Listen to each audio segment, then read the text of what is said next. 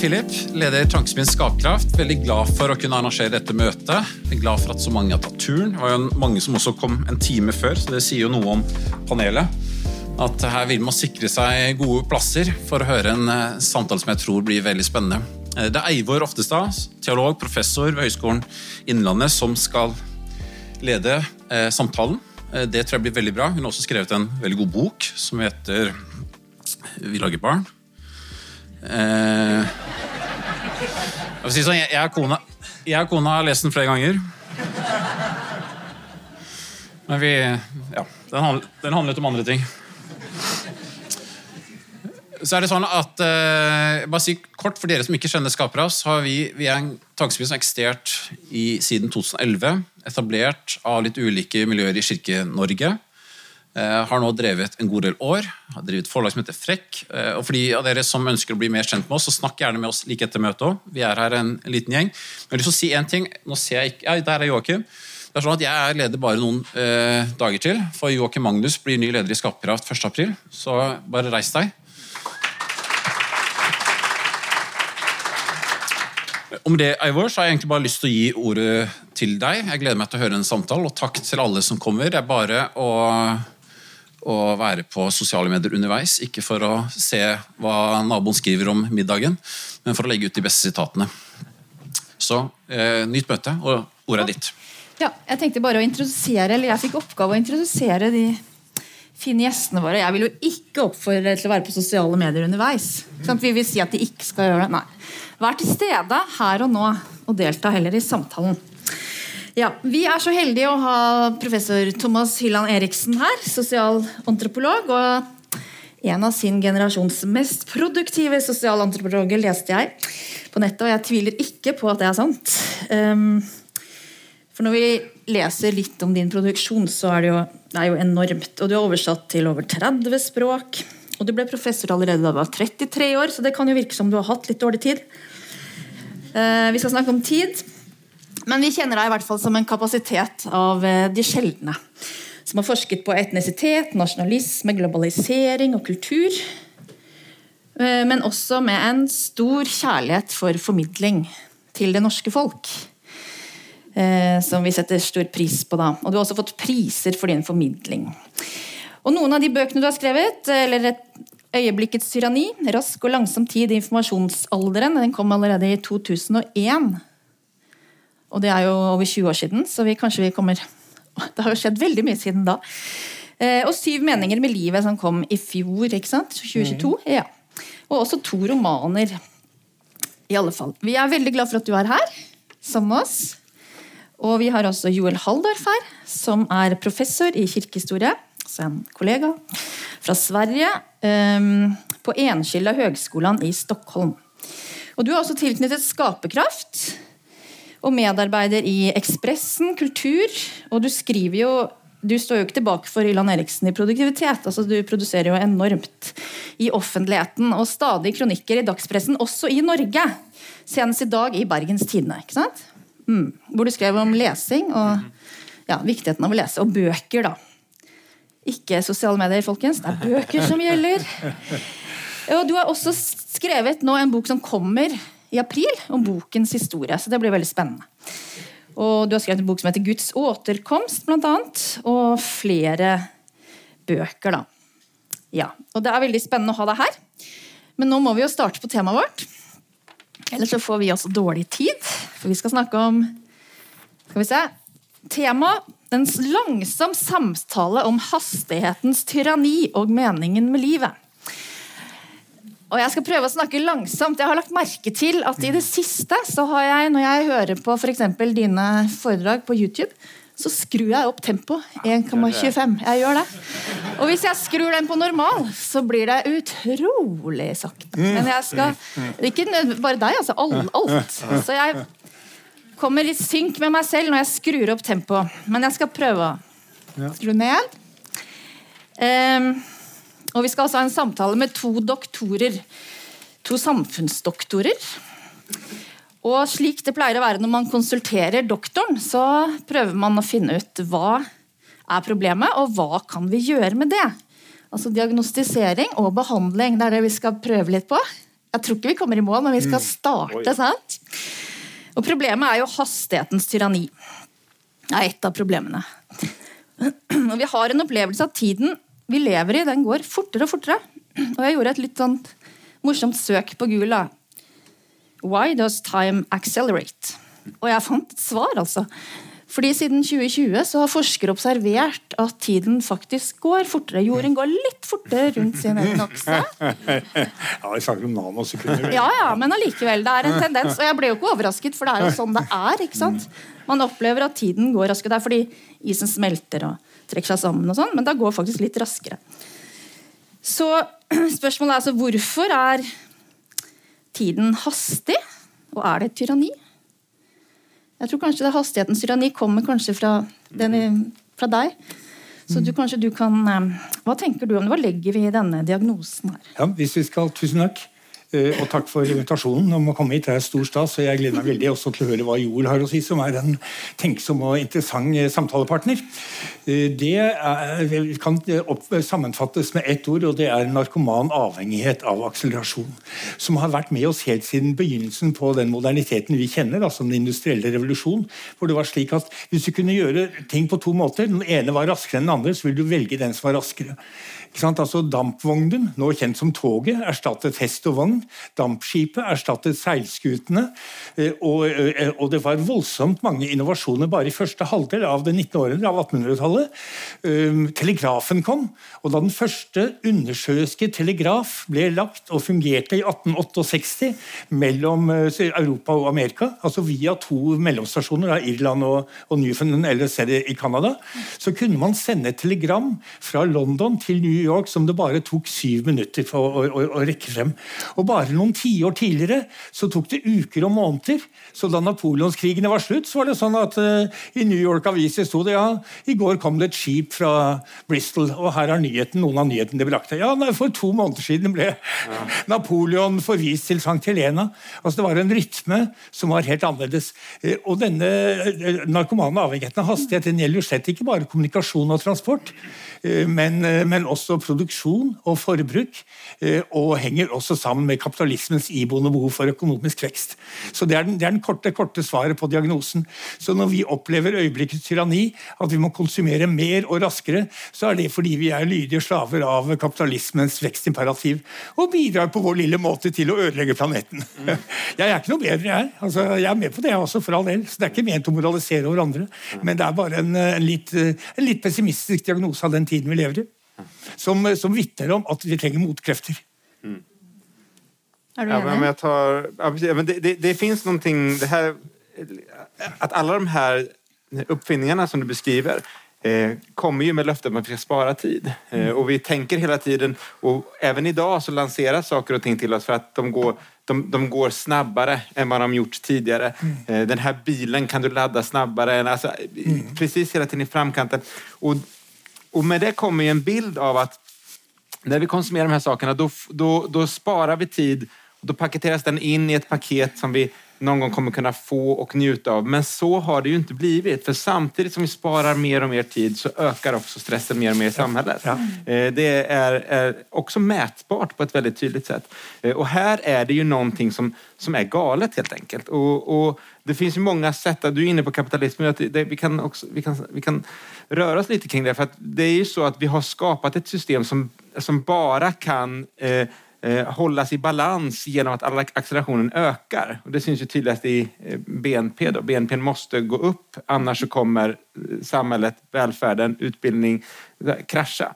Eh, den här dansen kring guldkallen måste gå snabbare och snabbare hela tiden. Trots att den utarmar planeten, trots att den utarmar våra själar, så måste tempot öka. Eh, och här sen, upp, blir vi liksom som individer också slavar under ett slags system och under en struktur som vi känner oss maktlösa inför. En del av diagnosen tror jeg også handler om, hvis vi nå har fokus på vår tid og informasjonssamfunnet og dette enorme kravet om å kontinuerlig være online, tilgjengelig, Mm. oppdatere osv. For der har det jo skjedd en veldig kraftig akselerasjon bare siden internett kom. Altså Jeg laget en eh, nettside på World Wide Web i 1996 som fortsatt finnes, Aha. Men jeg oppdaterer den ganske sjelden. Fordi folk går ikke inn på sånne websider i samme grad. Hvis vi ikke legger ut en lenke på Facebook, gjerne samme dag, så, så er, blir det, blir det lavere, lavere interesse for det. Så, og jeg tror en del av diagnosen der er at et av de mest kroniske og viktigste menneskelige behov, og som gjelder for alle kulturer og til alle tider, det er andres oppmerksomhet. Ja. Og det er, en, det er en knapp ressurs i et samfunn hvor vi har alt, men det er også alt vi har.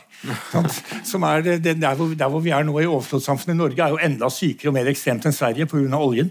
Men, eh, men er jo, vi ser jo de samme symptomene også hos dere. Eh, Det, er rett og slett eh, frykten for å bli glemt, frykten for ikke å få andres oppmerksomhet, og det at du må få den raskere og raskere.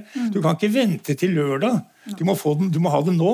Svarer de ikke på meldingen din i løpet av noen timer, er det, blir, de, blir du urolig og lurer på om du har sagt noe gærent. Eh, og det er, det er, der, er, der ligger det en, en patologi. ikke sant? De fleste av oss håndterer dette greit, selv om vi får fattigere liv, men for noen så blir dette psyk, psykisk problematisk. Men det finns en, en, just når vi taler om digitalisering så finnes det også en, en kombinasjon her at at når man tar de her då, telefonerna som vi, som, vi, som vi har i fickan så, så nu har jag min på ljudlös men mamma kunde visst messa ändå, jag tror inte. Men, men då, så, då, då, då drar ju de hela tiden till sig vår uppmärksamhet och vi är ju av naturen lätt distraherade. Att vi uppmärksammas på en förändring i vår närområde är ju en, en biologisk impuls som har mm. tjänat till vår överlevnad under väldigt många år. Att vi, det, det prasslar där och vi är beredda på att vi kommer ett rovdjur. Och vi kan, samma impuls som har räddat oss eh, från att upptäcka rovdjuret gör nu att vi kan tappa fokus under ett samtal med en vän för att vår telefon surrar till eh, med de här röda eh, röda signalerna också som de mycket medvetet använder. Så att no det är också någonting med att de här digitala systemen samverkar med våra biologiska system på ett sätt som gör att vi kan sukke over vår egen disiplin men, og brist på disiplin, men vi er ganske sjanseløse. Og derfor behøver vi motkrafter. Ja, er vi egentlig det? Jeg la merke til i din bok at du mente jo ikke at vi var helt sjanseløse. Altså du, for du sier vi er helt sjanseløse og det bare er styrt av biologi, men du sa at vi hadde fri vilje og kunne egentlig styre. et, et stykke på vei. Vi, Ja. vi, kan ikke, vi må ikke se bort fra det. Og du, altså Miraklet for meg da, som samfunnsviter, um, med en eh, dyp interesse også for biologi, det er ikke at vi er, liksom at vi er determinert av vår eh, genetiske arv, eller at vi er styrt av samfunnsmessige forhold. For det er vi jo i veldig stor grad. Normer, forventninger osv. Miraklet er jo det at til tross for disse, denne doble determinismen, så har vi fri vilje. Vi kan velge annerledes. Men det krever noe, og det krever stadig mer. Men det er lettere eh, å få dette til hvis mange gjør det på en gang. Ja, det, det tror jeg at, at jeg sier at vi har chanser, det er også lite for at jeg syns man skal begynne å se sånne her problem som sosiale problem, inte bare karaktärsbrister hos meg selv. Utan at vi behöver ta et, en diskussion både som samfund, men det kan ta lang tid å endre samfundets innriktning, Men da bør vi som fellesskap, våre venner, eller om man är en kristen församling, eller om man, så här, att man gemensamt delar vissa normer som man gör. Man kan göra också som en familj, att vi sätter upp vissa regler, vi placerar telefonerna här eller vi, vi, vi har telefonerna eh, avstängda under vissa, under vissa klockslag och sådana saker.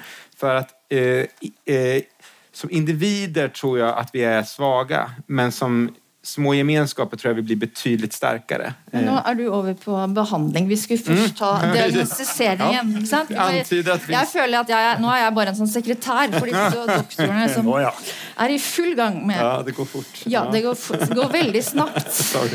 Så vi må senke tempoet litt. Ok. Eh, men altså, hvis, hvis vi kan utgangspunkt i din bok fra 2001, 'Øyeblikkets tyranni', hva er liksom, hvordan har det akselerert siden da, hvis du ser tilbake på den boken? Hva, var- hva var det du så da, og hva ser du i dag i forhold?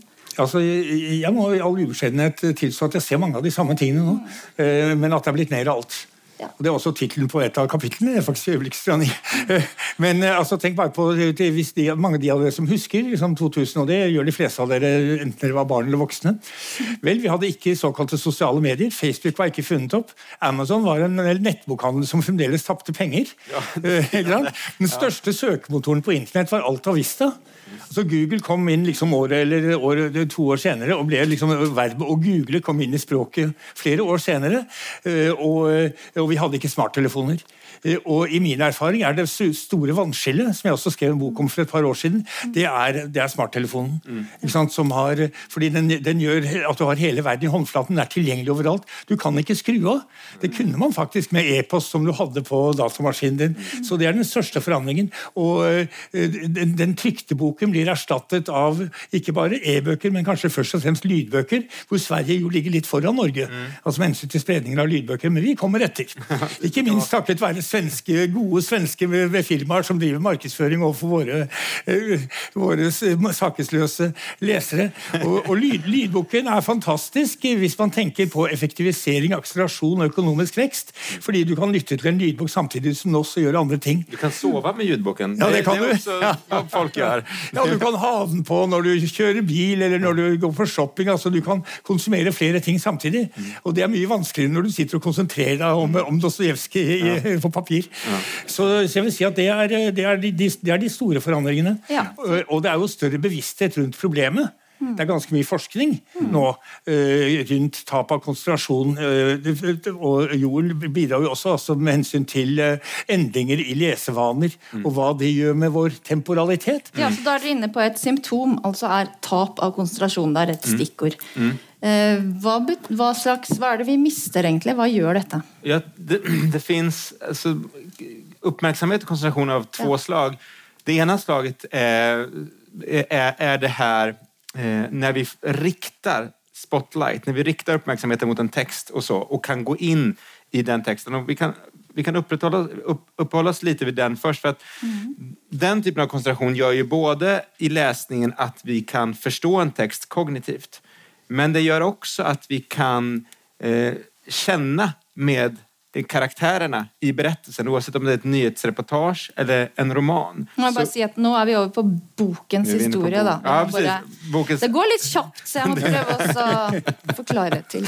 så, så, så, så når, vi, når, vi, når vi blir distraherade eh, och, och läser upphackat, då tappar vi både den kognitiva förståelsen av texten eh, och vi får sämre läsförståelse. Det finns gott om forskning som visar det och man skulle egentligen inte behövt någon forskning för det förstår vi eh, själva då. Men också den här eh, liksom, möjligheten att förstå och identifiera sig med en annan människa som, som läsningen ger, det tappar vi också, den emotionella anknytningen.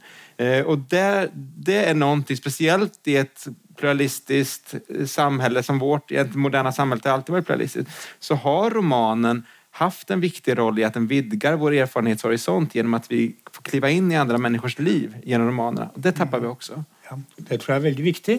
Og det tror jeg gjelder for narrativ prosa generelt. Jeg er også veldig glad i romanen, men det kan også gjelde for god sakprosa. Altså Peter Englund. ikke sant? Altså Bøker som, som skaper identifikasjon, og som gjør og, og det er noe av det samme vi prøver å gjøre på vår måte i mitt fag sosialantropologi. Forteller deg at uh, det kunne ha vært deg. Altså, Nå leser du om en person som lever et helt annet sted, og kanskje til en helt annen tid, og så kommer du så dypt inn i vedkommendes livsverden. Og den blir så rikt skildret, og du må skape bildene i ditt eget hode. For du har ikke, ikke Hollywood-filmen, ikke sant? du har bare teksten. Eh, og, og du forstår at eh, i denne situasjonen så ville jeg kanskje ha gjort det samme selv. Eller ville jeg det? Ikke sant? Altså, du, det er sånn reiser moralske spørsmål nå. Og den gjør verden større for oss.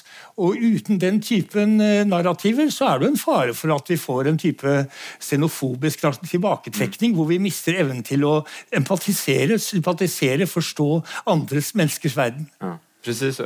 Och det, fin- det, det, det finns en annen typ av oppmerksomhet som jag, när jag läste om den så kjente kände jag mig nästan liksom, ännu mer skakad. För det här att vi blir distraherade och avbrutna, det tror jag vi alla känner igen och tänker på att det är ett problem.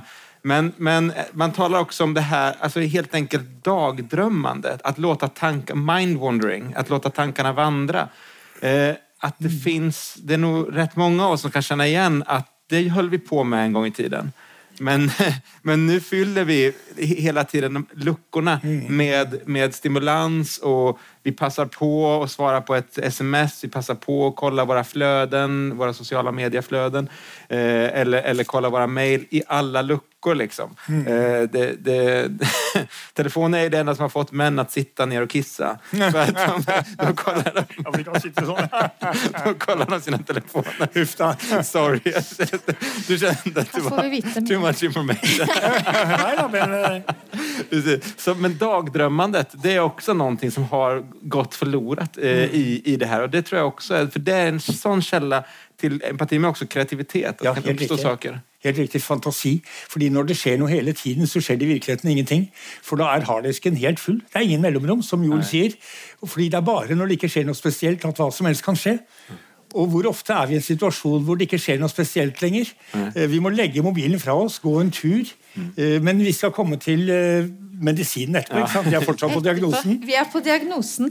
For du snakket om, og det er jo helt riktig, at når man tar bort narrativene og ikke leser romaner, så forstår man ikke andres verden, man mister empati. Men tar man også bort narrativet om seg selv? Man trenger vel også narrativ for å forstå seg selv? Eller altså, jeg kan knytte an til noe du jeg leste i boken din, Thomas, at uh, Hva var det du skrev da? Jeg må ta på brillene. Mennesket kan bare bli kjent med seg selv på én måte, nemlig langsomt, skrev du. Og det syns jeg var veldig fint. Og slo, det slo meg, hvis jeg får lov å si noe, da, så slo det meg veldig Jeg så nylig en film som het Ola, en helt vanlig, uvanlig fyr. Den ble vist på Human filmfestival. Og han Ola er litt psykisk utviklingshemmet. eh, Og han, det er hans fortelling. Da. Han bor nå på et sånt kollektiv av både funksjonsfriske og såkalt funksjonshemmede. Og har det veldig fint der. Men når han var barn og ungdom, når han begynte på skolen, så lurte han på hvorfor er jeg alltid sist å rekke opp hånda? Hvorfor er jeg litt saktere enn alle de andre i gymmen? Hvorfor er jeg litt treig? Så blir han veldig mistilpass og lei seg. ikke sant, av det. Men når vi møter han nå, så bor han sammen, eh, i et sted som går litt saktere. Og de sier selv, de gutta som bor der, at ja, vi lever jo som på 80-tallet, vi ha-ha-ha. Liksom. Og, og så har han det veldig fint, for da er han i synk med seg selv. Og det som slo meg i den filmen, da tenkte jeg på det du skrev, at man trenger langsom, man kan kun bli kjent med seg, selv på én måte, nemlig langsomt. At han var veldig selvreflektert i forhold til veldig mange mennesker i dag. Altså De som er på hans alder ellers, som bare lever sånn hektisk. For han hadde jo tid til å komme i synk med seg selv. Sånn at jeg, jeg lærte nå det, at vi alle trenger å komme i synk med oss selv. Ja, Det er tankevekkende Ja. altså at, at det skal være sånn, men jeg tror det er helt riktig at eh, når du ligger på dødsleiet og tenker tilbake på ditt du sitter i gyngestolen og ser ut av vinduet på aldershjemmet, eh, så er det det du vil eh, tenke på, den karamellen som du vil suge på. Den handler ikke om hvor mange mailer du fikk eh, svart på, og hvor mange flyreiser du tok for å dra på konferanser, og hvor mye du rakk å gjøre, men den handler om disse øyeblikkene, disse situasjonene der du kom i kontakt med andre og deg selv, og du opplevde at det var noe dypt, at det var noe fellesskap. Altså at det var noe mer enn eh, bare overfladisk forbruk og den type ting.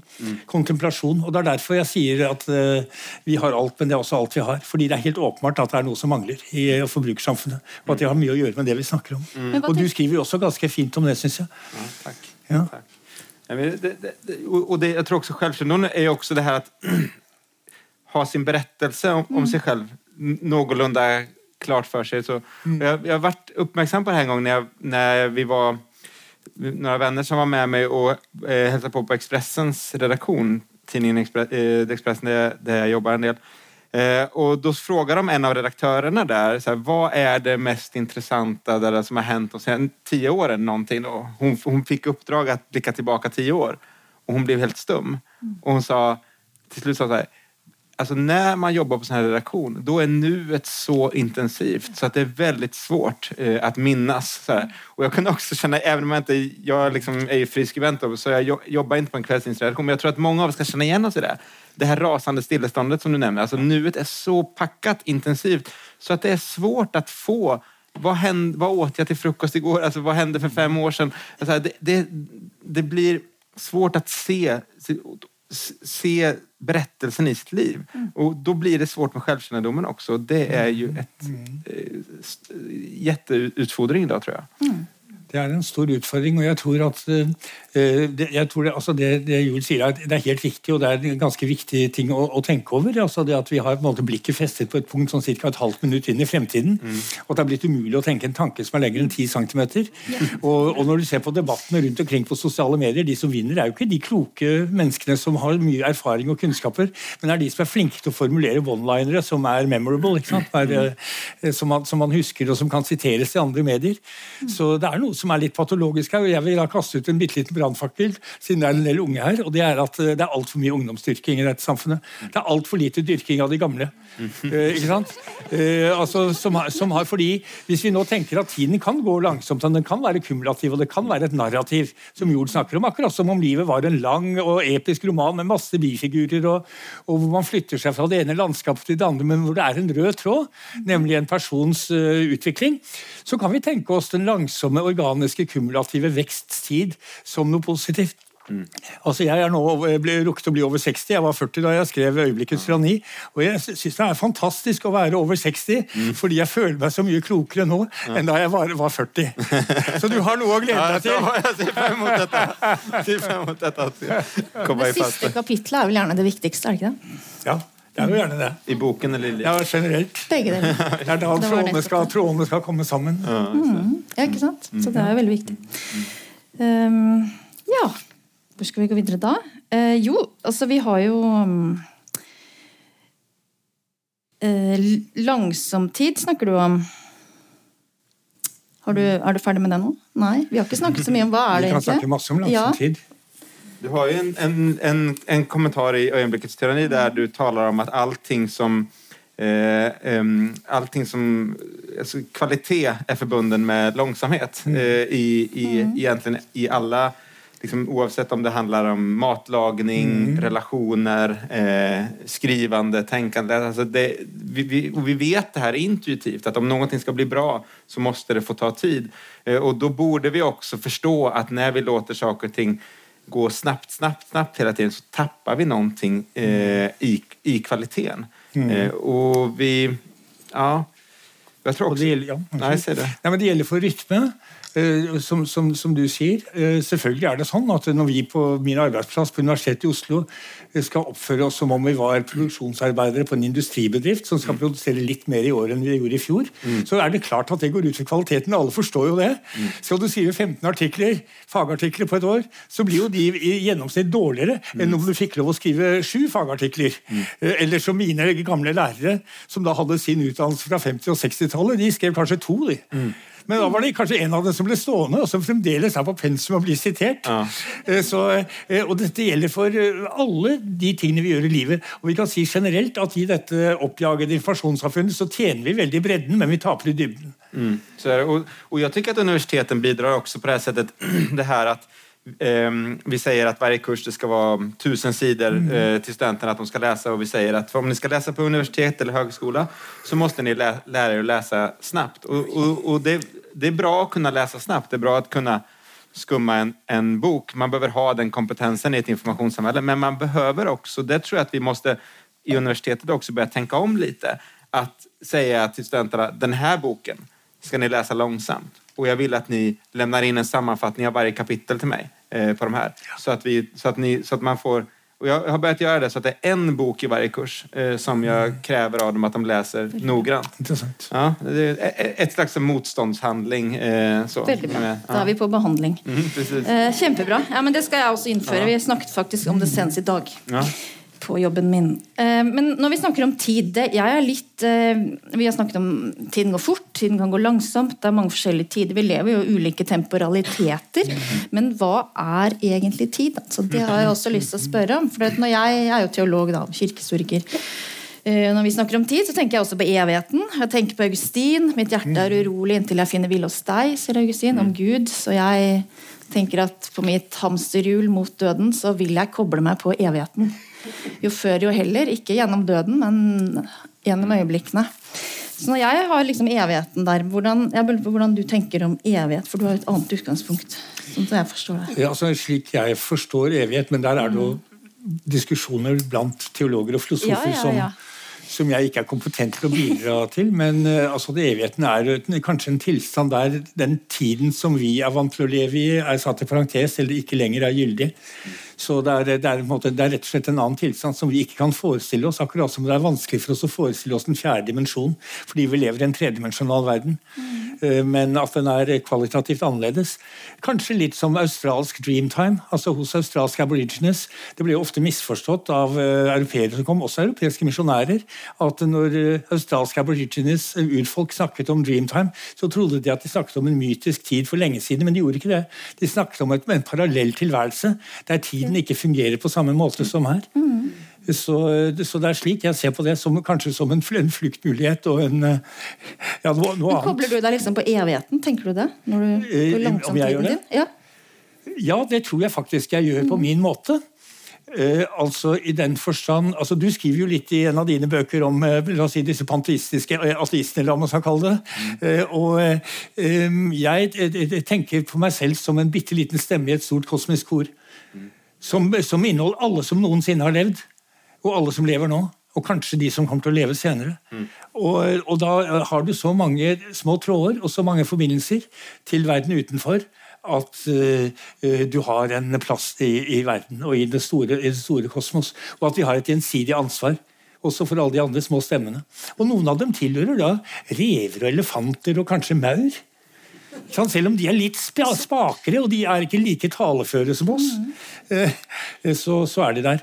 Så, og der ligger det i hvert fall et, eh, et veldig mye større perspektiv mm. enn det vi både, både i, i, bredd, i utstrekning og i temporalitet, som kan være svimlende. Som kan være som å se på stjernehimmelen og undre seg over den.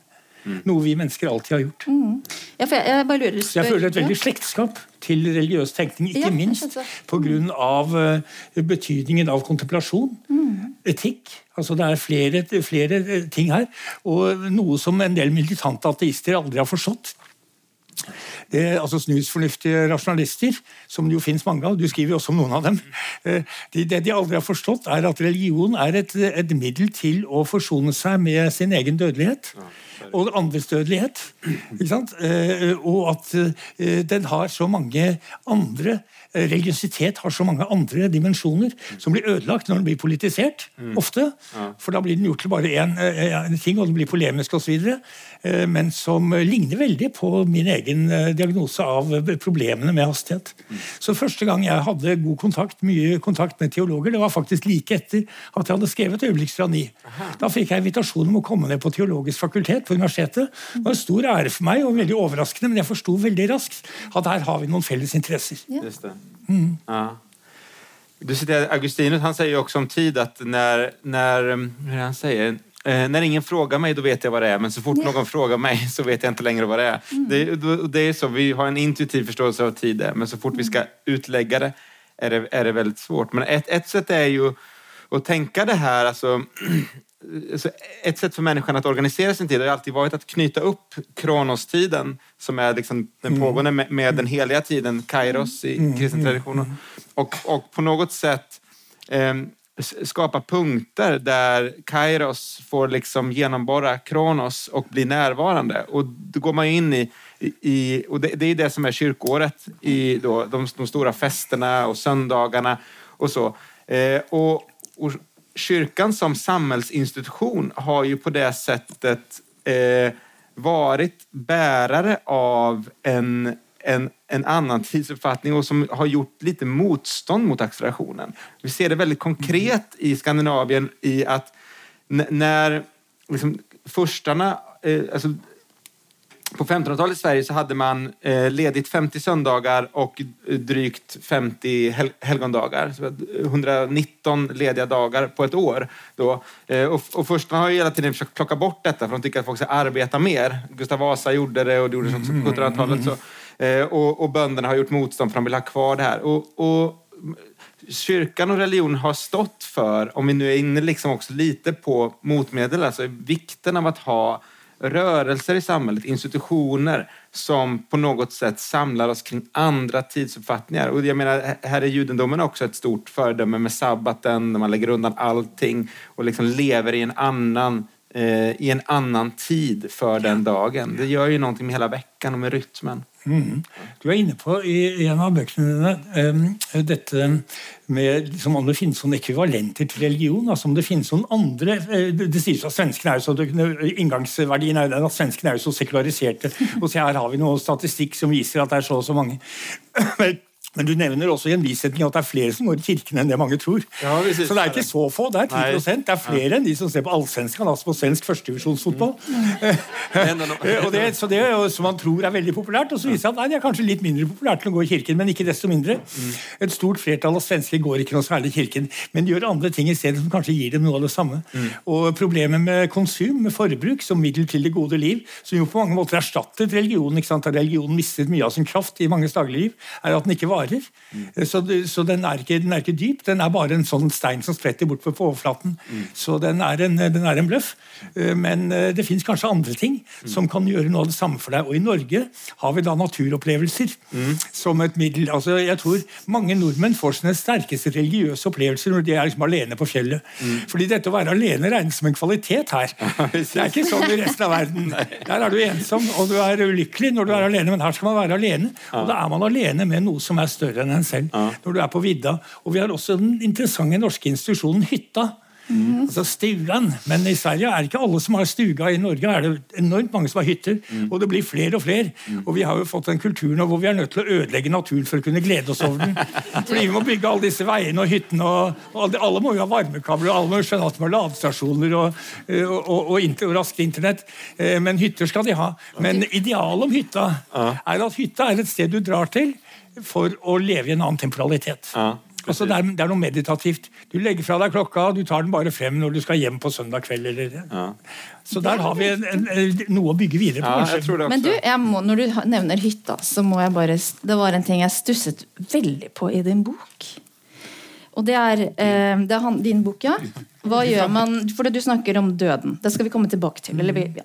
Men hva gjør man med liket, skriver du om. Noen, altså i forskjellige kulturer.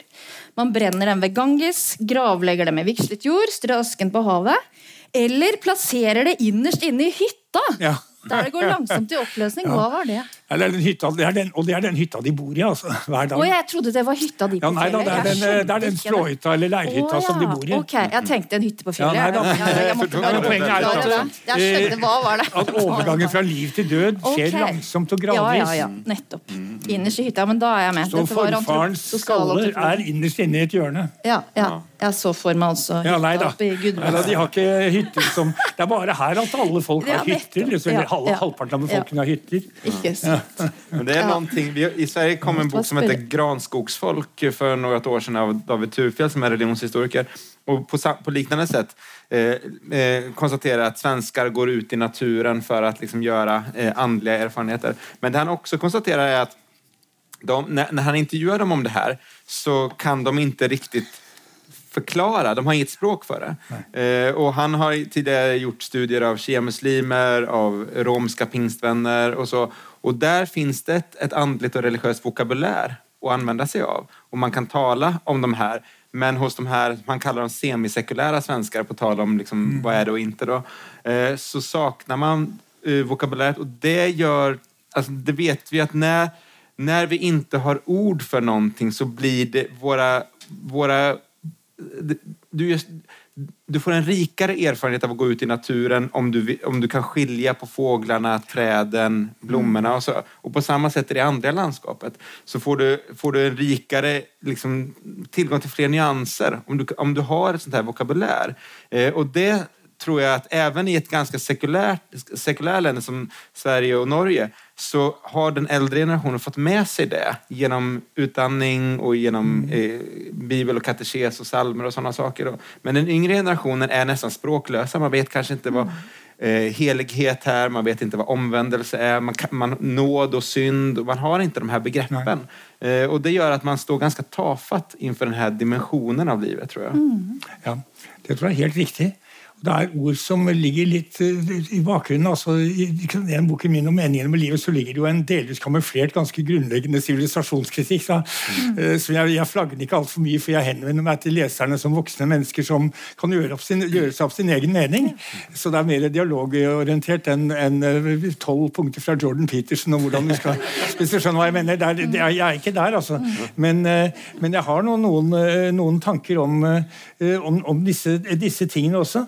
Altså hvordan eh, altså Det å ikke ha et språk for å snakke om sine erfaringer, det gjør deg fattigere. Mm. Eh, og det er derfor vi har poesi. Det er derfor vi har religiøse tekster, mm. som jo har en veldig mye større betydning også i eh, Norge og Sverige enn mange er klar over. Mm. Fordi altså bibelske allegorier, bibelske referanser osv. De har gått inn i dagligspråket uten at nødvendigvis alle vet hvor de kommer fra. Men det er noen ord som ligger litt langt tilbake i en nyliberalistisk tid hvor vi er opptatt av individets rettigheter, og hvor det står foran alt annet. Mm. Vi glemmer jo å snakke om individets plikter. Mm. altså Hvis det skulle vært balanse, måtte vi hatt en menneskeplikterfaring som var like viktig som menneskerettighetserfaringen, men det, dit er vi ikke kommet. Eh, men ord som ydmykhet takknemlighet, mm. tilgivelse. Mm. Det er ord som jeg tror ikke blir brukt så ofte som de godt kunne. Nei. Altså Den ydmykheten du opplever når du står for på, på Hardangervidda, mm. og du er helt alene, og det er helt hvitt rundt deg, og det er ikke tre, og så har du himmelen over deg. Ja. Og så ser du hvor liten du er, men at du er del av noe større. Mm. Ydmykhet og takknemlighet. Mm. Det tror jeg mange føler, men de klarer ikke å sette ord på det. Mm.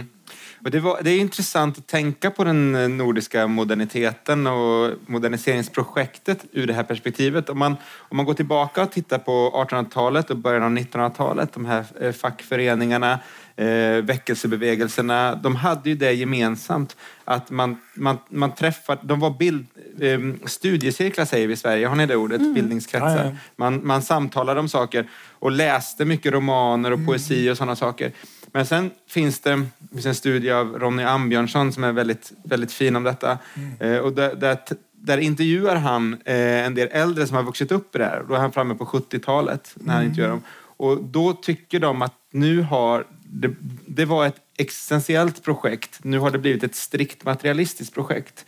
Eh, liksom det moderna samhället är bara en, en, en, maskin som ska producera varor och välstånd och sådana saker. Hela meningsfrågan har kommit i skymundan. Eh, och jag tror att vi har tänkt att, alltså, återigen, vi har Sekularisering innebär att vi har trängt undan de traditionella institutionerna som har haft den här makten, som, som, som kyrkorna och, religionen.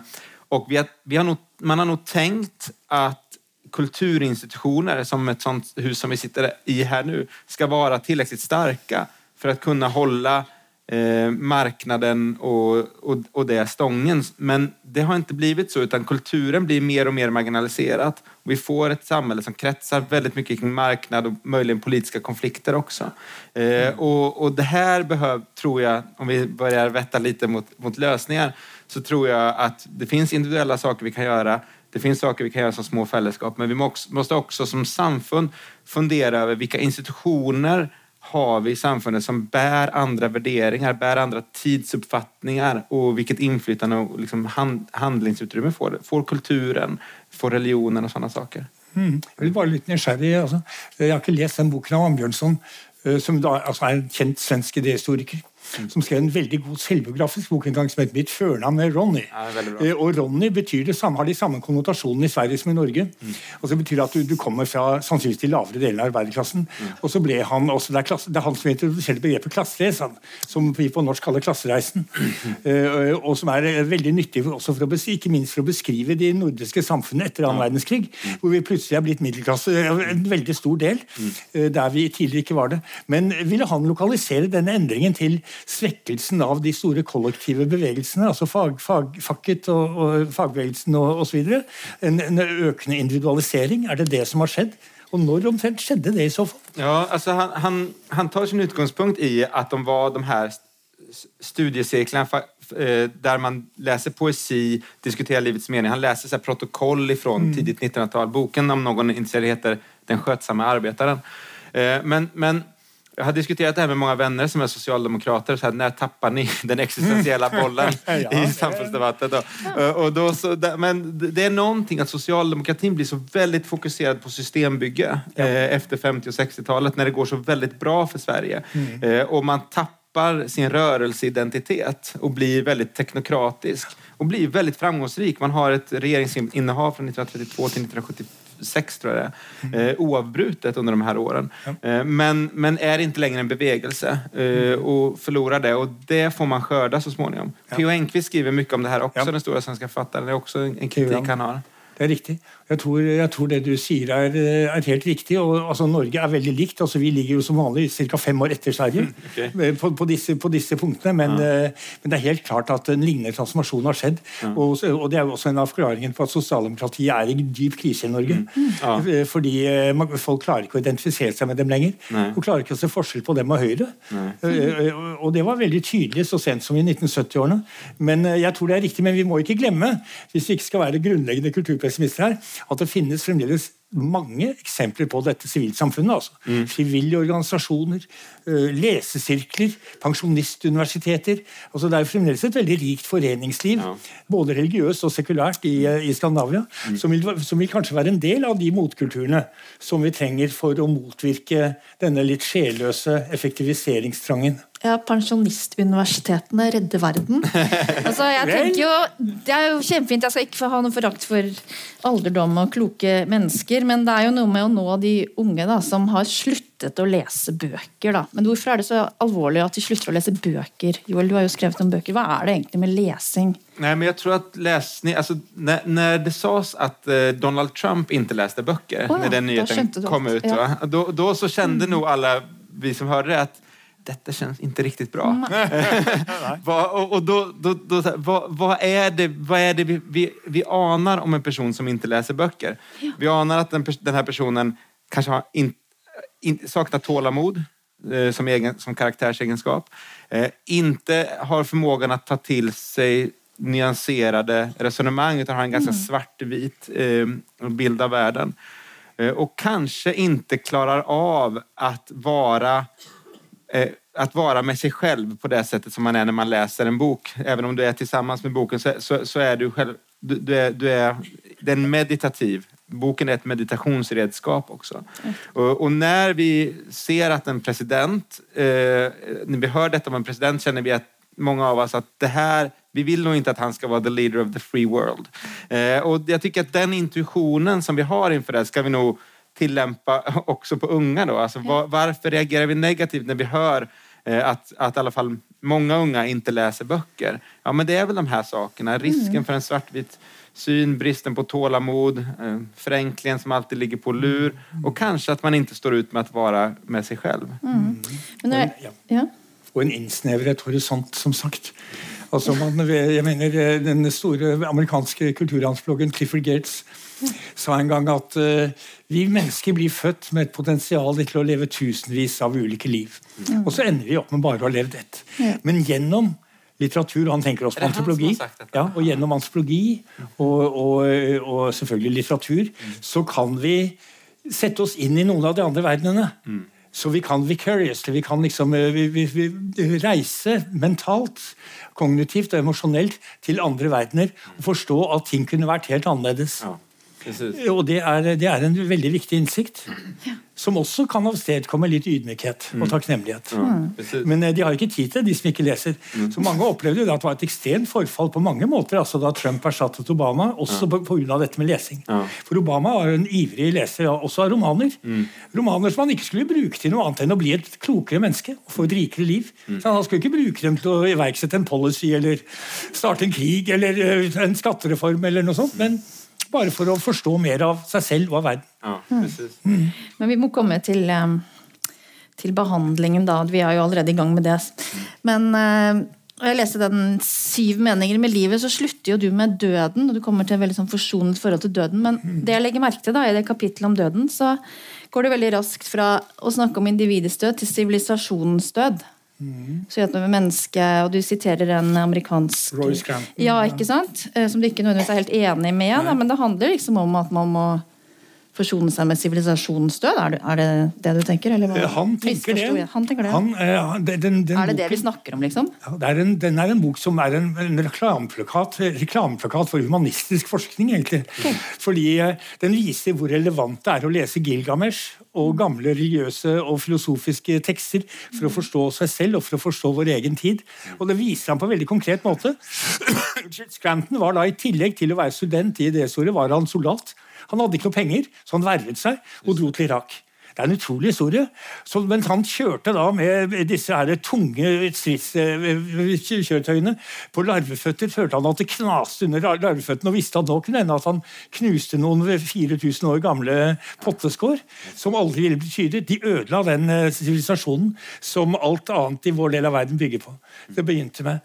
Eh, Og så eh, får vi fast forward. Han er tilbake fra Irak og sitter og ser på TV hjemme og ser på ekstremvær og klimaendringer og hvordan eh, politikerne er ute av stand til å gjøre noe kollektivt for å stanse det, og tenker at eh, her er vår sivilisasjon også på dødsleiet. Jeg tror det er for pessimistisk. Jeg tror vi fremdeles har et valg, men eh, det er godt sett. Og så snakker han om den gode og dårlige død. Og Da sier han at vi må gå til antikken, vi må gå til de gamle tekstene for å forstå forskjellen på den gode og dårlige død.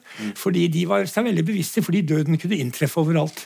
Hos oss blir døden i økende grad betraktet som en slags sykdom som kan helbredes med teknologi og, og avanserte medisiner. Eh, gjennom transhumanisme og hva vet jeg. Og Det er jo en, selvfølgelig en helt pervers tanke, men en tanke som makes sense innenfor den type kunnskapsregime som dominerer.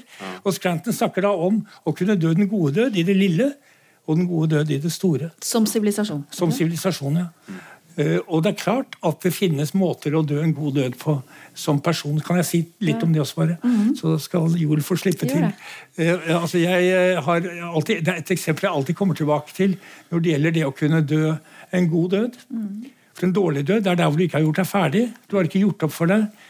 Er, du har en, klump, en mørk klump inni deg som du ikke har klart å forløse. En byll som du ikke har fått stukket hull på av et eller annet slag. Enten det er du som har gjort andre urett, eller andre som har gjort deg urett, så har du ikke klart å lukke boken og avslutte kapitlet. Så da kan du ikke. Men eh, en eh, kjær, gammel kollega av meg, Fredrik Barth, eh, som døde for noen år siden, han står for meg som et forbilde med hensyn til å dø en god død. Han hadde da gjennom hele sitt liv fått impulser, ideer, teoretisk innsikt i å være ute sammen med folk, andre folk. Enten I Svartdalen i Pakistan, i høylandet på Ny-Guinea, i Bhutan. Han hadde gjort mange feltarbeid, flere enn kanskje noen annen eh, antropolog av sin generasjon. Eh, og han brukte det som næring for å forstå mer av seg selv og forstå mer av verden og mennesket. Så kom det til et punkt hvor han ikke lenger kunne reise. Hoftene hans har blitt dårlige. Han var blitt veldig tynn. På slutten var det mellom, gikk han liksom mellom krykker og rullestol, så han forsto at nå var hans liv på mange måter slutt. Men i stedet for da å eh, bli bitter og, og, og, og innesluttet, så satte han seg i en stol og så ut av vinduet og drømte seg tilbake til mange av sine erfaringer, både med sine nærmeste og i felten, og laget da kognitivt, mentalt, en avslutning på sitt lange og veldig begivenhetsrike liv. Og en dag slutta han å puste. Sant? Altså det, det er, hvis jeg kan dø på den måten, så, så ville det være fint. Men eh, mange av oss klarer jo ikke det. Og det har veldig mye å gjøre tror jeg, med å klare å avslutte noe på en verdig måte.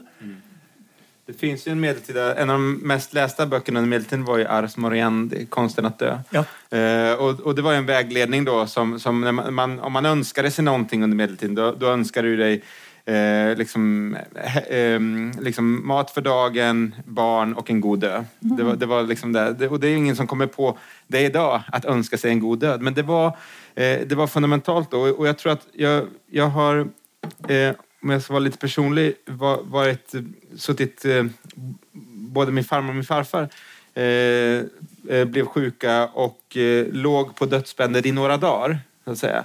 Eh, och vårdades hemma av oss som familj och gästade gä- gästande sjuksköterskor och så.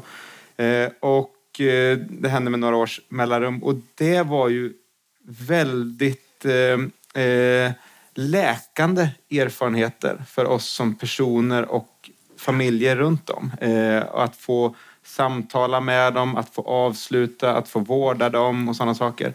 Eh, det är någonting som vi, som vi som bär med oss och som var också transformativt där. Och, och för mig att se det då som en modern människa, att se vad en god död kan vara. Eh, det är någonting som jag också alltid bär med mig i att liksom, döden är inte bara en biologisk sak utan det är något väldigt existentiellt Ja. Ja. og, och, som kan ske på olika sätt och det är en nåd att bedja om att få en god död. Det er jo sånn at alle de, alle de tynne, små trådene som forbinder deg til omverdenen, de blir jo kuttet av når du dør. Eh, og det å kunne da eh, kutte noen av dem, eller svekke noen av dem selv før du dør, det er en gave. Og hvis du ikke får, får det til, så må det gjøres senere. og Det er derfor vi har store dødsriter, seremonier, som regel med et religiøst innhold, i praktisk talt alle kulturer vi kjenner. Fordi det er, det er smertefullt, og det er vanskelig, og noen må sørge for at disse små trådene, når de er kuttet, at de slutter å blø. Man må finne en måte å, å sto- å stoppe den, den strømmen av tegn ut av dem på, og, og slik, slik at livet kan gå videre. Mm. Og, og det, så det er, det er klart at dette er, det er, det er kjempeviktig ja. å kunne gjøre det. Som noen sier at den beste måten å dø på, det er jo liksom å bli plutselig påkjørt av trikken ja, er eller sånn så- Eh, Jeg kunne ikke tenke meg det, for jeg vil gjerne ha tid til å ta farvel med, med trærne i hagen min, med de jeg elsker, med vennene mine, ikke sant? med ver- verden. Men man dere det ofta, att man vill liksom bara rycka... Nej, det är missförstånd. Ja, det, det, det tror jeg også. Ja, ja, det er ikke så. Mm. Jeg, jeg la merke til i boken din at det siste kapitlet ditt heter jo 'Å gi slipp'. handler om døden, og Da bruker du masse eksempler fra all verdens regioner og kulturer om å gi slipp. Eller som om døden, da, om man forholder til døden, men ikke fra vår egen kultur. egentlig. Nei. Men jeg har studert det, og sikkert, sikkert Joel også, fra Ors Moriende, da, middelalderen. og Jeg har lest hundrevis av begravelsestaller fra 1500- og 1600-tallet. Og kunsten å dø, det er jo å gi slipp, også i vår eh, kultur. Det er å gi slipp. På Det er- 1500-1600-tallet? Ja, ja, ja, så den kristne kunsten å dø er å gi slipp. Kunsten å dø er å lære seg å dø, er å dø med kroppen uten å dø med sjelen. Du skal gi slipp på kroppen og alt det materielle. Det er det som er kunsten, og det er også i den kristne tradisjonen. Så jeg tenker det er mye Ja. Ja, men hvor, der, men hvor, eh, stor, hvor sterk er den nå, syns Ja, du? det er jo interessant. Den er jo, man har jo glemt kunsten å dø. Men jeg husker da min farfar døde, da, det var vel i 2002, så gjorde han alt på den gamle måten. Altså Han tilkalte familien, hadde skrevet testamentet, eh, tok farvel med alle, gjorde opp, i tilkalte presten, og så døde han. Altså det, det er jo en sånn oppskrift, en rekkefølge, som alle de gamle kan. ikke sant, Tante Aud? Det er sånn der. Eh, mens vi har, har jo ikke lært det. Vi må jo lære det av noen. Vi får jo ikke, dette kan jo ikke, det finnes jo ikke noen håndbøker om dette lenger. Sånn at det er jo det er, Jeg syns dette var veldig bra. Altså, du snakket om å når du snakket om å dø, så snakket du om å lukke boken og avslutte kapitlet. Så her ble jo boken en metafor for selve livet. da, så Det handler jo om å avslutte denne boken, og da blir jo boken ekstremt viktig i vår kultur. da, Men er det i vår kultur en del av denne sykdommen i vår tid, er det nettopp det at den avslutningen mangler? At vi ikke kan skrive avslutningen? Da vil man jo bare haste videre og tro at det bare fortsetter. Ja, og det har også mye å gjøre med, ja, unnskyld. At jeg avbryter deg. Men det, har, det, ja, det tror jeg du har helt rett i. at Det har også noe å gjøre med det vi snakket om eh, i første del av denne samtalen, nemlig det, og mm. og dette livet som står stille i rasende fart, og som ikke er på vei noe sted. eh, Hvor det bare er egentlig gjentagelser. Og drømmen om å være ung hele livet fordi man har glemt hva modning innebærer. eh, Og man har glemt hva den langsomme, eh, kumulative, organiske tids vekst eh, sant, innebærer. Så det, det tror jeg er helt riktig, og det betyr også da at Herregud, men jeg er jo 19 år fremdeles, selv om du er 80. Eh, Jeg har jo så mye ugjort. Eh, Og da har man liksom disponert tiden sin på en eh, litt feil måte. Sant? Altså Da har man fått et sånt tid, en, en, en, et liv hvor det er masse ting stablet oppå hverandre, men ingen rekkefølge. Så det er noe vi kan gjeninnføre. Og jeg tror at eh, altså Kirken og, og religiøse eh, retninger eh, av den kloke typen er en veldig viktig motvekt i denne sammenhengen. Fordi man representerer en annen temporalitet og et annet menneskesyn som står i konflikt med det teknokratiske, som du også har skrevet om. Vi skal ikke glemme at noen av de som var mest aktive i kampen mot slaveriet, det var, det var kristne. Fordi alle er like foran Gud. Ikke sant? Mens teknokratene, eh, 100 år senere, de var begeistrede tilhengere av rasehygiene. Fordi man skal jo renske ut, Vi skal jo ha gode sosialistiske arbeidere. ikke sant? Vi har ikke tid til å, disse her mindreverdige, deformerte, eh, åndssvake menneskene. Mens eh, noen av de som sto mot, det var ikke forskere, det var ikke biologer. Det var en og annen sosialantropolog, men, eh, som Frans Boas. Men, men det var i stor grad religiøse, kristne. Og vi skal ikke glemme Kirken som i økende grad en motkultur i en teknokratisk tid. Så da tror Kirken, sivilsamfunnet og i grunnen universitetene på sitt beste har, har en felles oppgave. Ja. Ja. Nei, men det tror jeg også. Det, det, finns, det var en debatt her i, på tal om ungdomskult. Eh, Det var en debatt i Norge eh, om om skönhet for noen år siden. Jeg vet ikke om ni kommer ihåg den? Mm, om eh, om at, at att Åsa Lindeborg tror jeg var det som startet den. Eh, hun skrev om at eh, det er jobbigt å bli gammel for at man inte är lika vacker.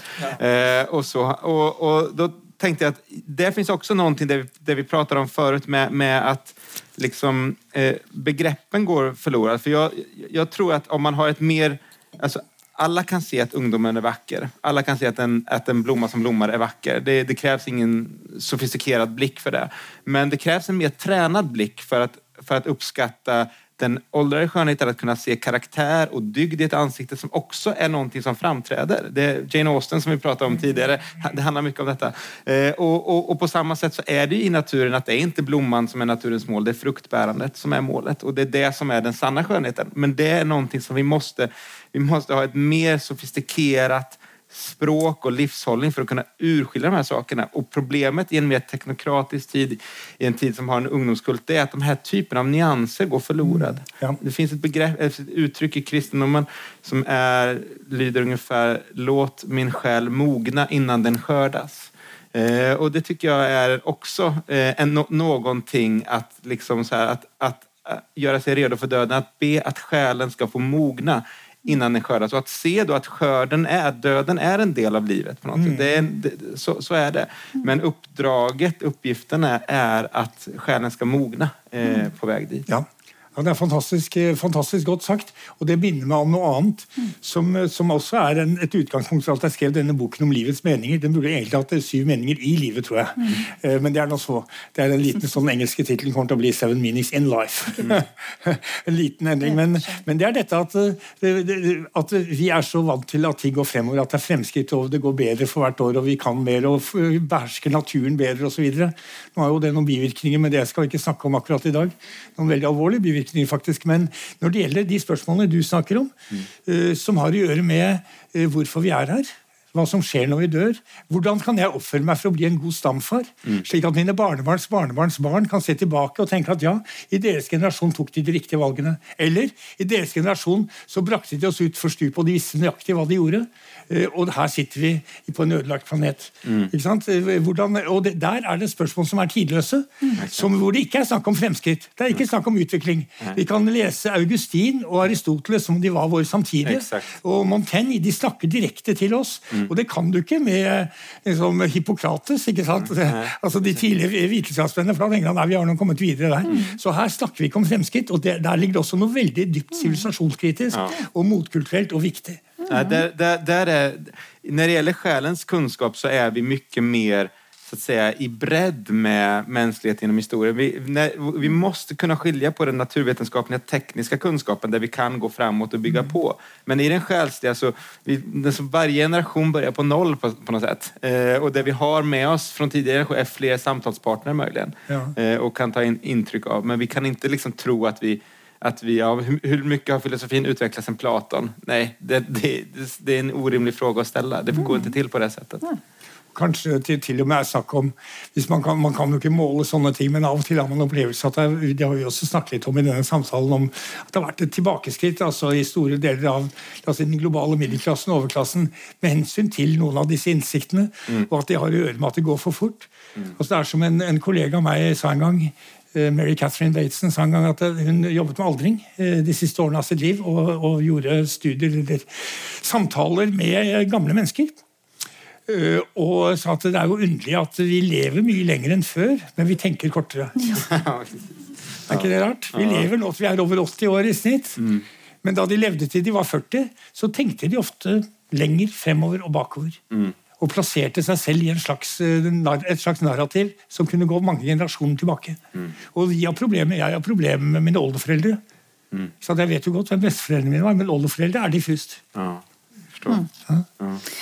Eh, hvis vi skal eh, prøve Nå har vi jo diskutert diagnosen ganske intenst. Eh, hvis vi skal gå litt på behandling, og vi har snakket en del om det, kan dere oppsummere behandlingen vi kommet frem til? Ja, men jag tror att en sak som vi måste se är att når när vi har Alltså, vi talar mycket om tillväxt och, och sådär. Det, det finns en resurs, om vi ska kalla det så, som vi kan så att säga, plocka ut ifrån samfundet, ifrån, ifrån världen utan att göra åverkan på, på på klimatet och på planeten och så. Och det är tid.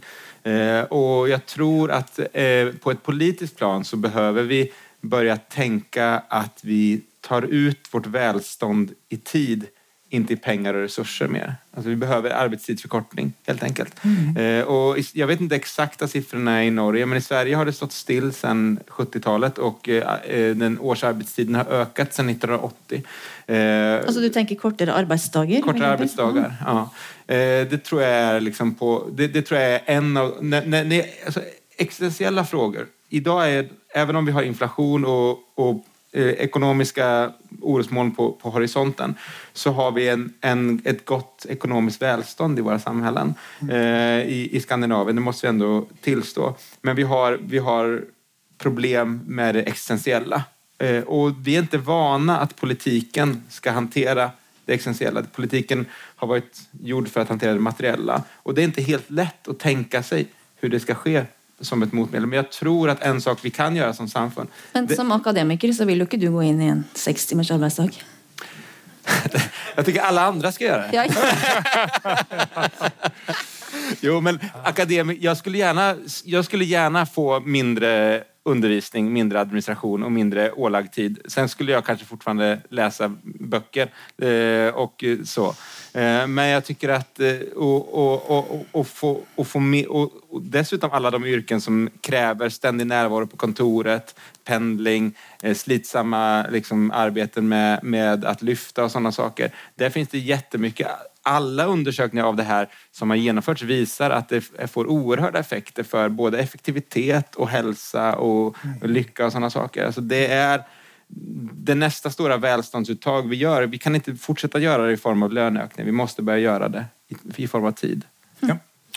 Det synes jeg, er veldig, jeg er enig i det, og jeg tror det er, synes jeg er et veldig konkret og godt eh, forslag. Og jeg tror fremdeles at vi kan lære noe av pandemien. Altså, grekerne brukte ordet 'krisis' som regel om en uh, sykdom. Du hadde en høy feber. Det var en vanlig måte å bruke ordet krise på. Og da var det bare to mulige utganger. Du døde eller du kom deg. For de hadde jo ikke antibiotika og kirurgi. Og hvis du kom der, så hadde du lært noe. Mm. Da møtte du verden utenfor med større ydmykhet, takknemlighet. Du la merke til det grønne gresset, oliventrærne, dine medmennesker på en måte du ikke hadde tidligere. For du visste at du ikke kunne ta det for gitt. Og hvis vi ikke kan lære noe av den krisen vi hadde nå nylig, så har den vært helt bortkastet. Det har ikke vært noe vits å ha den krisen. Og jeg tror vi har lært noe, selv om lærdommen siver langsomt inn. Det ble et voldsomt rush etter forbruk og reiser og, alle mulige ting eh, da eh, alle begrensningene eh, forsvant. Men nå som støvet begynner å legge seg, ser vi bl.a. fenomenet som på engelsk kalles 'quiet quitting'. og Det er jo i slekt med det du snakker om. Folk som innser at de kan klare seg med mye mindre, og at de trives mer med å forbruke mindre, fordi de innser at det som virkelig betyr noe i livet, det er klimanøytralt og stort sett gratis. Altså, det er jo slike ting som våre eliter, både politiske og økonomiske, helst vil at du ikke skal oppdage. Men vi har erfart, tror jeg mange av oss gjennom pandemien, at det var sant. Du kunne være sammen med dine nærmeste, du kunne gå turer, du kunne komme i kontakt med deg selv på nye måter, og du kunne undre deg på nye måter fordi du fikk all denne langsomme tiden slengt etter deg, som du ikke hadde bedt om, men som mange klarte å utnytte på en positiv måte. Så jeg tror det, og jeg tror at det finnes motkulturer. Som sagt, jeg tror at mange religiøse, genuint religiøse miljøer er avgjørende viktige motkulturer, fordi de betoner betoner helt andre kvaliteter, helt andre verdier, spiller på andre strenger enn vekstkapitalismen. Mm. Og at det også finnes eh, andre. Så kanskje vi skulle prøve å starte en folkebevegelse eh, knyttet til, knyttet til tid. Og, og, hva vi bruker tiden til. Prøve å spisse budskapet litt, slik at den kan inkludere mange. Mm. Og som en motvekt til dette jaget om å produsere enda mer i årene i fjor. Mm. Og det, Hvis vi får det til, og så har det gått noen år, og så har vi fått et nytt samfunn hvor det går langsommere, og vi forbruker mindre, eh, og vi spiser litt annen mat. Men vi har mye mer tid til oss selv og hverandre. Og til å lese Dostojevskij. Så vil vi spørre oss selv hvorfor gjorde vi ikke dette for lenge siden. Det er min drøm. Mm. Tusen takk.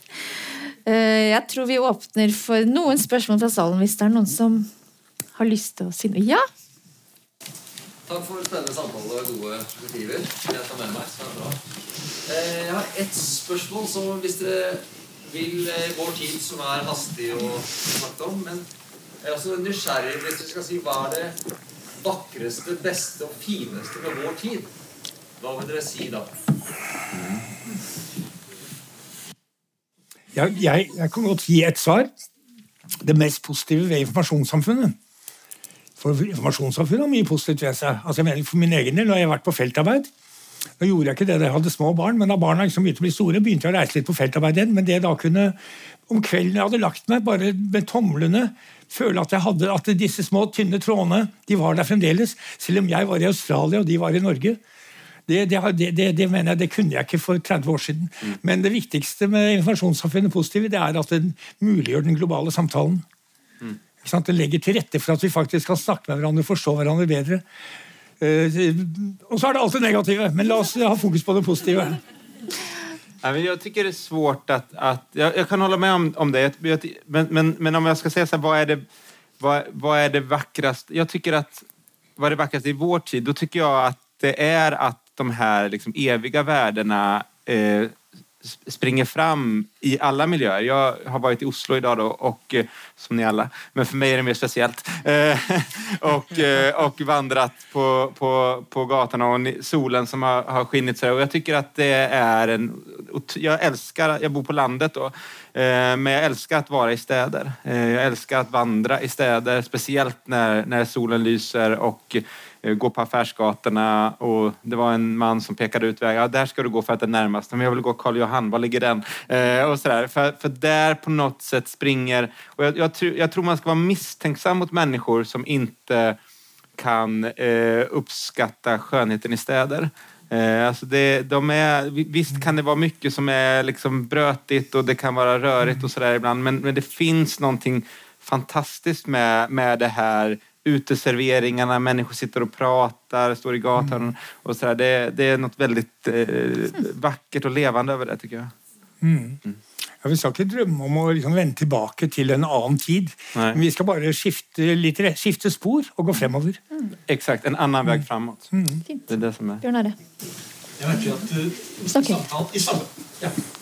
I samtalen her så har det vært mye eksempler på litteratur og litt reisning. Men jeg ser at i boken din så har du snakket også en del om musikk. Mm. Det har jeg ikke vært inne på her nå, men er det, er det, noe ved musikk som kan uh, være en slags uh, motgift? Ja, det tror jeg definitivt. Tusen takk for spørsmålet. Jeg kunne snakket lenge om dette. Og jeg kommer, I boken min så er det sånn ut og inn av musikk, men det er ikke noe sånn hovedtema, for jeg har ikke lyst til å ekskludere noen. og Det er jo ikke alle som har et forhold til musikk. Men, eh, men eh, den, den, spiller jo på et annet register. Den kommuniserer en annen type tegn. Og Ofte kan vi ikke helt si hva de tegnene er, men vi merker det på vår stemning. At den er målstemt, eller altså at den er eh, sånn og slik. altså Woody Allen sa jo en gang at hver gang han hørte på Wagner, fikk han en umotståelig trang til å invadere Polen.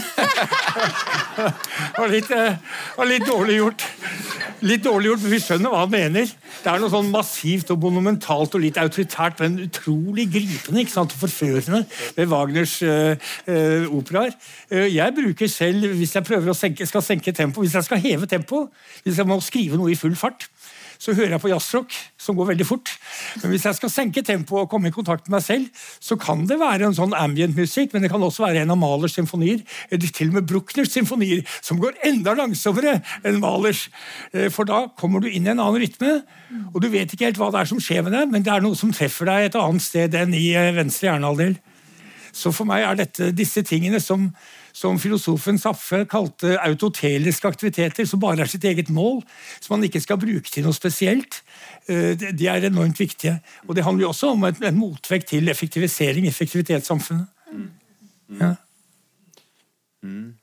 Har du noen synspunkter på musikk? Nei, men jeg tenker, Iblant eh, når, når det har vært eh, eh, rörigt hemma en eftermiddag, barnen är på dåligt humör, eh, det dröjer få mat, vi går upp tidigt, familjen, alla är arga. Så då då eh, sätter jag ibland på klassisk musik och det är påtagligt vilket liksom, mm. skifte som sker i familjens liksom, temperament. Då. Det blir liksom, man ser inte den här stökiga diskbänken längre, de här odiskade tallrikarna och sådana saker. Det, det, det, det lägger ett slags skimmer över tillvaron mm. som är otroligt egentligen. Man borde använda det tricket oftare, slår det mig när jag pratar om det.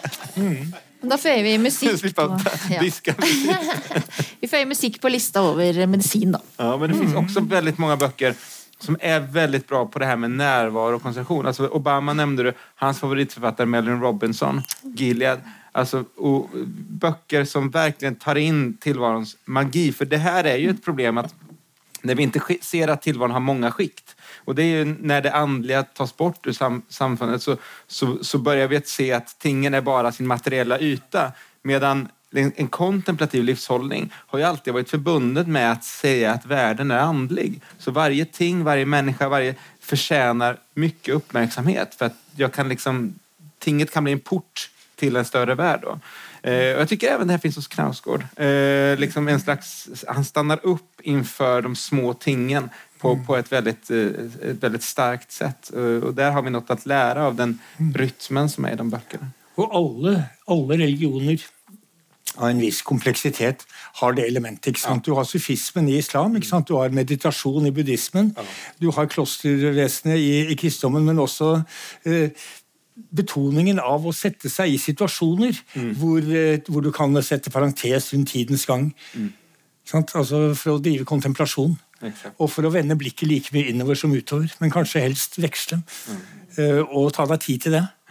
Og det er, eh, som vi har vært inne på mange ganger nå i kveld, altså det er veldig farlig altså når disse mellomrommene blir borte. Når de blir fylt opp av mediekonsum eller andre ting. For da blir vi flate. Vi blir, eh, vi blir nesten eh, AI. Jeg hører jo folk si at eh, chat GPT kommer til å bli like bra som mennesker etter en stund. Og der har vi en felles interesse i å vise at mennesket er noe helt annet. Men da må vi gjøre det. Erik? Eh, Jeg bare lurer på det Augustin-sitatet. handler det altså Du sa han, han visste ikke Hvis noen spurte, så visste han ikke hva det var.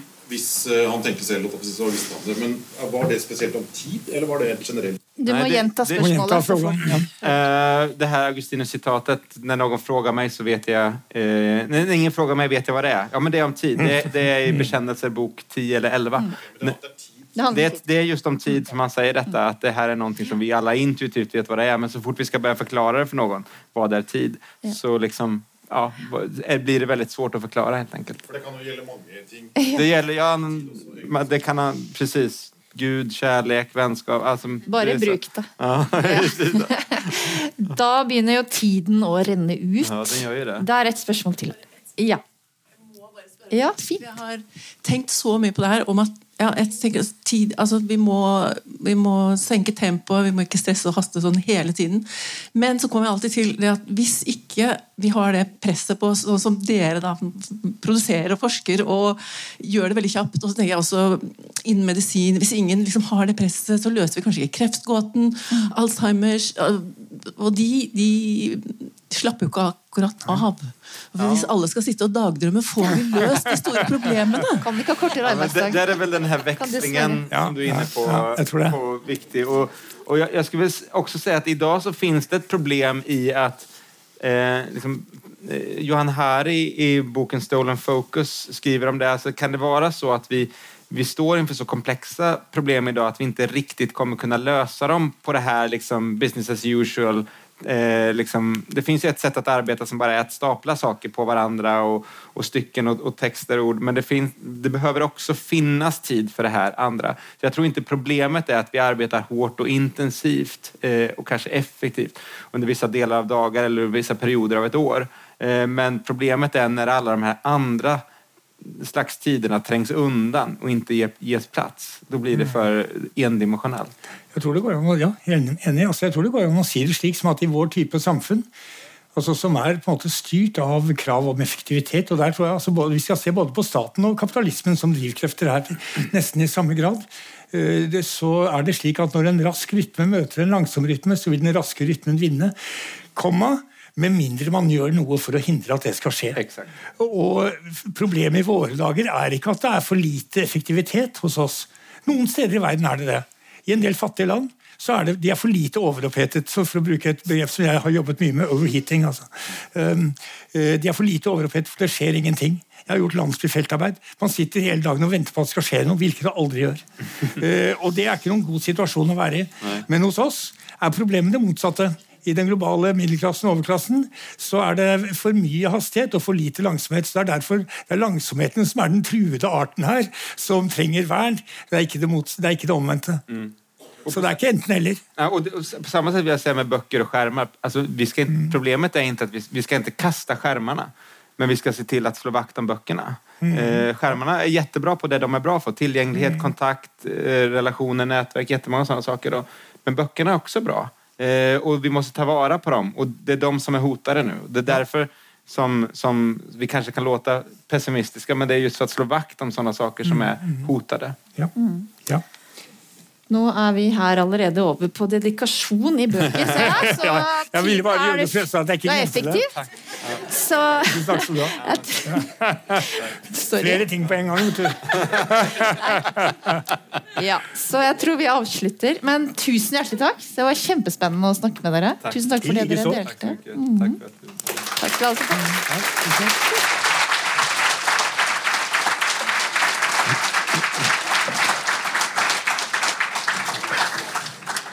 Det eneste som gjenstår da, det er å si et eh, tusen takk.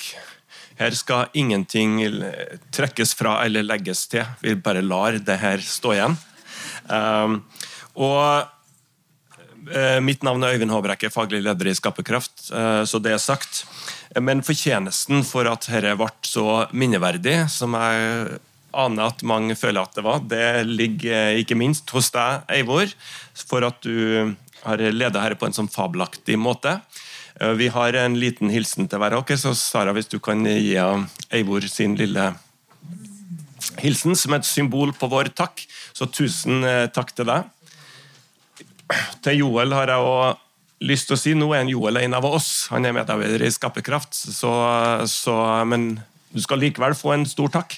Så må jeg lyst til å si da, at den boka som det refererte her noen gang, bokens Han har da skrevet en bok som kommer ut rett over påske i Sverige og på svensk i første omgang. Vi tror jo at den skal komme ut på norsk etter hvert, men jeg har lyst til å si det litt ordentlig at rett over påske så kommer den boka ut og blir mulig å bestille og, i Norge. Bokens folk fra sivilisasjons... En sivilisasjonshistorie fra papirus til piksler. Ikke sant? Eh, ja.